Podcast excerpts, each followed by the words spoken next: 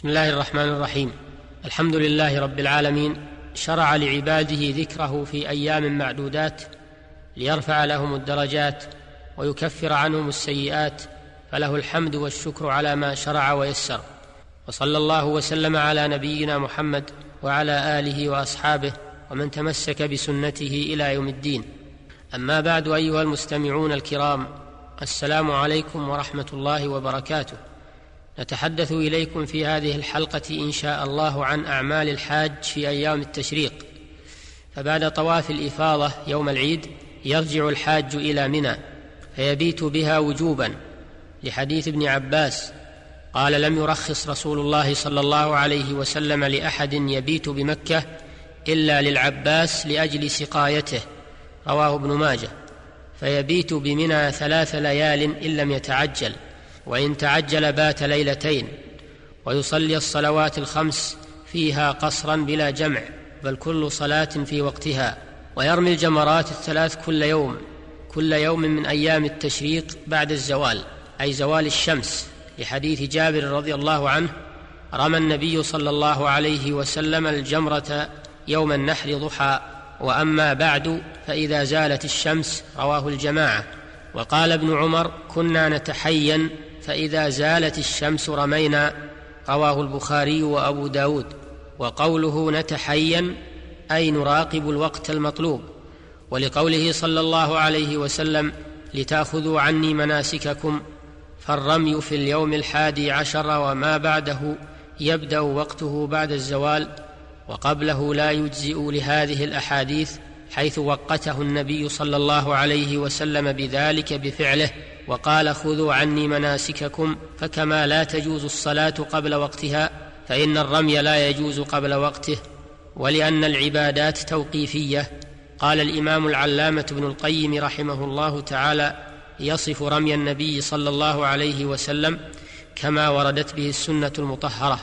ثم رجع صلى الله عليه وسلم بعد الإفاضة إلى منى من يومه ذلك فبات بها فلما أصبح انتظر زوال الشمس فلما زالت مشى من رحله إلى الجمار ولم يركب فبدأ بالجمرة الأولى التي تلي مسجد الخيف فرماها بسبع حصيات واحدة واحدة بعد واحدة يقول مع كل حصاة الله أكبر. ثم تقدم على الجمرة أمامها حتى أسهل فقام مستقبل القبلة ثم رفع يديه ودعا دعاء طويلا بقدر سورة البقرة. ثم أتى إلى الجمرة الوسطى فرماها كذلك ثم انحدر ذات اليسار مما يلي الوادي فوقف مستقبل القبلة رافعا يديه فاستبطن الوادي واستعرض الجمرة فجعل البيت عن يساره ومنى عن يمينه فرماها بسبع حصيات كذلك إلى أن قال فلما أكمل الرمي رجع من فوره ولم يقف عندها فقيل لضيق المكان بالجبل وقيل وهو أصح. إن دعاءه كان في نفس العبادة قبل الفراغ منها فلما رمى جمرة العقبة فرغ الرمي والدعاء في صلب العبادة قبل الفراغ منها أفضل منه بعد الفراغ منها. وهكذا وهذا كما كانت سنته في دعائه في الصلاة إذا كان إذ كان يدعو في صلبها. ولا بد من ترتيب الجمرات على النحو التالي. يبدأ بالجمرة الأولى وهي التي تلي منى قرب مسجد الخيف ثم الجمرة الوسطى وهي التي تلي الأولى ثم الجمرة الكبرى وتسمى جمرة العقبة وهي الأخيرة مما يلي مكة. يرمي كل جمرة بسبع حصيات متوالية يرفع يده مع كل حصاة ويكبر. ولا بد أن تقع كل حصاة في الحوض سواء استقرت فيه أو سقطت منه بعد ذلك. فإن لم تقع في الحوض لم تجزي. ويجوز للمريض وكبير السن والمرأة الحامل أو التي يخاف عليها من شدة الزحمة في الطريق أو عند الرمي يجوز لهؤلاء أن يوكلوا من يرمي عنهم. فيرمي النائب كل جمرة عنه وعن مستنيبه في مكان واحد ولا يلزمه أن يستكمل رمي الجمرات عن نفسه ثم يبدا ثم يبدأ رميها عن عن مستنيبه مرة ثانية لما في ذلك من المشقة والحرج والله أعلم. وإن كان النائب يؤدي فرض حجه فلا بد أن يرمي عن نفسه كل جمرة اولا ثم يرميها عن موكله.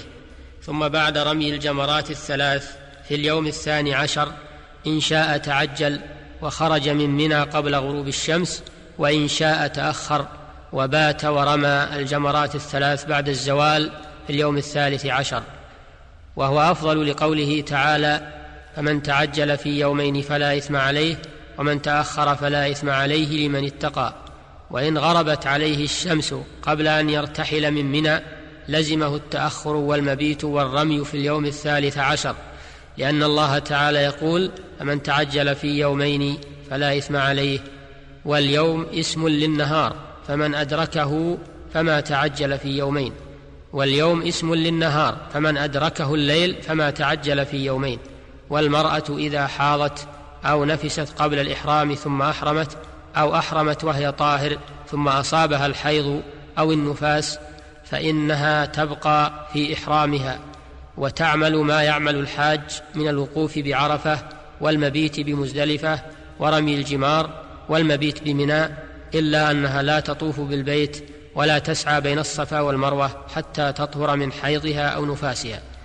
لكن لو قدر أنها طافت وهي طاهر ثم نزل عليها الحيض بعد الطواف فإنها تسعى بين الصفا والمروة ولا يمنعها الحيض من ذلك لأن السعي لا تشترط له الطهارة. فإذا أراد الحاج السفر من مكة والرجوع إلى بلده أو غيره لم يخرج حتى يطوف للوداع بالبيت سبعة أشواط إذا فرغ من كل أموره ولم يبق إلا الركوب للسفر ليكون آخر عهده بالبيت إلا المرأة الحائض. فإنها لا وداع عليها بل تسافر بدون وداع. لما روي عن ابن عباس رضي الله عنهما قال أمر الناس أن يكون آخر عهدهم بالبيت إلا أنه خفف عن المرأة الحائض متفق عليه. وفي رواية عنه قال كان الناس ينصرفون من كل وجه. فقال النبي صلى الله عليه وسلم لا ينفر أحد حتى يكون حتى يكون آخر عهده بالبيت. رواه أحمد ومسلم وأبو داود وابن ماجه.